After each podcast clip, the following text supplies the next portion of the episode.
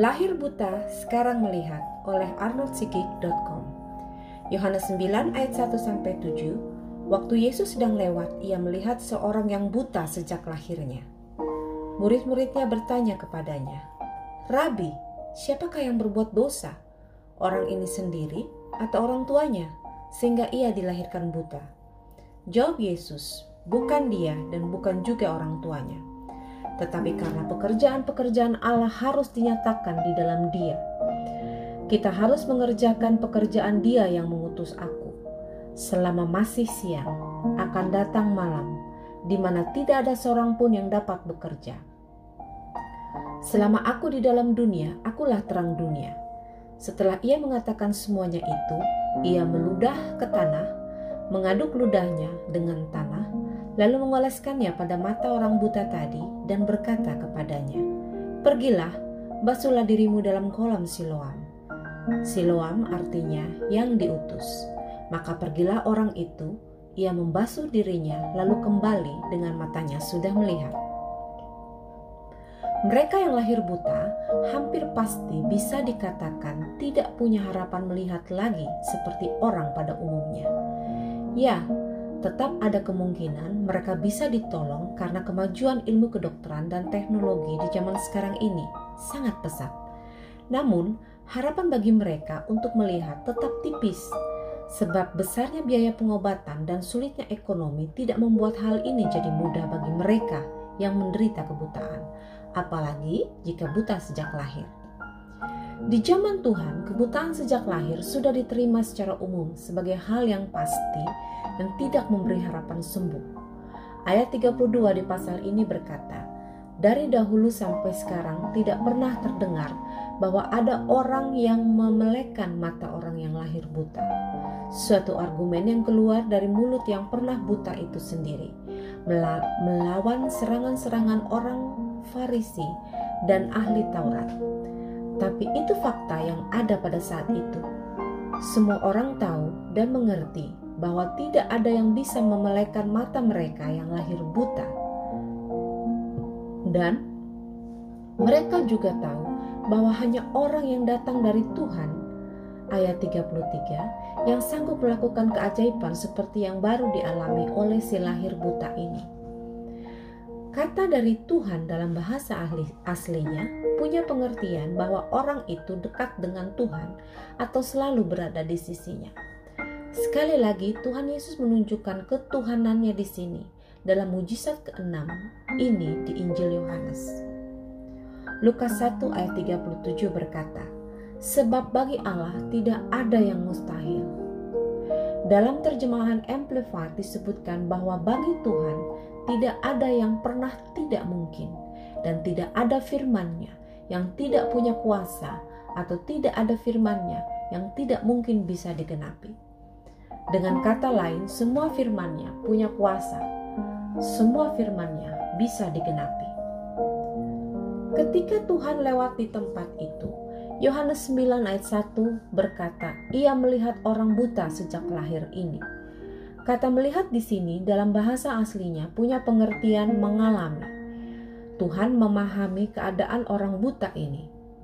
Ia tahu kesulitan dan masalah yang dihadapinya karena kebutaannya. Namun murid-muridnya bereaksi sama seperti kita pada umumnya yang menemukan orang susah dalam jalan-jalan hidup kita. Ayat 2. Mereka dan kita suka menghakiminya. Murid-murid menganggap ini pasti karena ada kesalahan yang entah dari dia sendiri si buta, Celidonius, nama si buta ini menurut tradisi Kristen, atau dari orang tuanya. Sukar bagi kita untuk memberi respon belas kasih lebih dahulu. Lebih cepat, kita segera menganggap kesusahan yang mereka alami datang karena adanya dosa dalam diri mereka. Rupanya, efek dosa telah merusak lebih banyak rasa iba kita dan menciptakan rasa lebih benar dalam diri kita. Jawab Tuhan mengejutkan mereka dalam ayat 3 bahwa apa yang dialaminya bukan dari dosa siapa-siapa, tapi karena pekerjaan-pekerjaan Allah harus dinyatakan di dalam Dia. Maksud Tuhan, bagaimana bisa? Bukankah kita harus menjaga diri kita begitu rupa? hidup benar dan kudus, jauh dari dosa, supaya kita jangan menderita karena penghukuman Allah. Ide ini kedengaran sangat benar dan baik, namun jika diperlihatkan lebih jauh, ide ini lahir dari motivasi yang salah, lahir dari ketakutan, bukan karena mengasihi Tuhan dan jalan-jalannya. Gagasan ini lahir karena banyak kita berpikir hanya tentang diri kita sendiri dan hanya untuk diri kita sendiri. Jadi, ketika ada yang mengalami kesusahan, reaksi kita yang pertama adalah, "Oh, itu karena dia pasti berbuat dosa. Tuhan telah menghukumnya." Kita sering tidak peduli dengan orang lain, apalagi dengan Tuhan. Yang penting, saya jangan menderita, pikir kita. Kita biasanya sangat segan untuk mengulurkan tangan bagi orang lain, meringankan beban mereka, apalagi jika mau memikul penderitaan mereka. Siapa mau? Jadi Tuhan berkata, si buta menderita untuk menyatakan pekerjaan-pekerjaan Tuhan. Bagaimana bisa penderitaannya menyatakan Tuhan dan kemuliaannya? Tentu selanjutnya kita tahu bahwa Tuhan menyembuhkan dia. Kita dengan cepat melihat bagaimana Tuhan menyatakan kuasa dan kemuliaannya melalui mujizat yang Selidonius alami. Tapi pekerjaan Tuhan yang dinyatakan lewat kesembuhannya hanyalah langkah awal dari pekerjaan Tuhan selanjutnya yang lebih besar melalui dia. Tuhan memakai dia menjadi bukti nyata akan kemesiasannya kepada orang-orang Farisi dan ahli-ahli Taurat yang menolak untuk percaya kepada dia. Lucu untuk memperhatikan bagaimana si pernah buta ini mempermalukan mereka yang menganggap diri bisa atau telah melihat lebih jelas. Baca Yohanes 9 ayat 25 sampai 33. Satu-satunya jalan untuk membungkam Selidonius adalah dengan mengusirnya keluar ke jalan. Ayat 34. Jawab mereka, engkau ini lahir sama sekali dalam dosa dan engkau hendak mengajar kami? Lalu mereka mengusir dia keluar. Pernyataan mereka kedengaran seperti mereka yang suka berargumen seperti ini. Kenapa? Saya sudah baca Alkitab dari dalam kandungan ibu saya. Tanpa kita sadari, banyak dari kita yang lahir sebagai Kristen sejak awal tidak menghargai Kristus dalam hidup kita. Keadaan ini justru menciptakan arogansi besar, seperti orang-orang Farisi dan ahli-ahli Taurat. Tidak heran, banyak yang terdahulu telah menjadi yang terkemudian, dan banyak yang terkemudian justru telah menjadi yang terdahulu.